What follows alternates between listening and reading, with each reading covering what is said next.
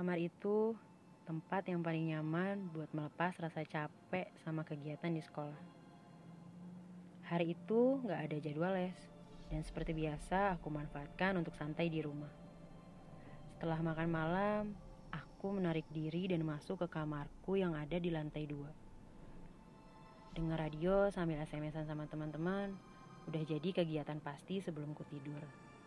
Sampai pada akhirnya, sekitar jam 9 malam, mata ini udah gak kuat untuk menahan ngantuk.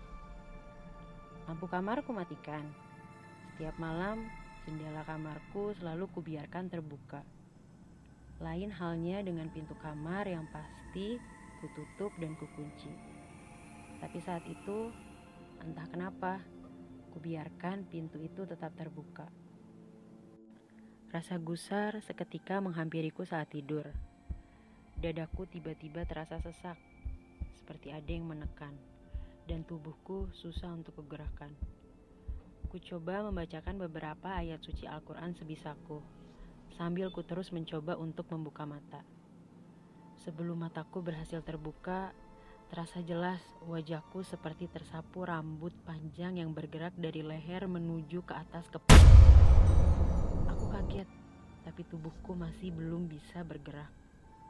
Dan setelah itu, terdengar suara langkah kecil menghampiriku yang dilanjut dengan hembusan nafas yang sangat terasa tepat di depan wajahku.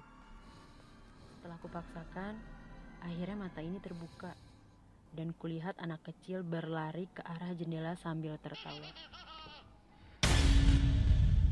Sampai saat ini masih terasa jelas hembusan nafas dan tawanya.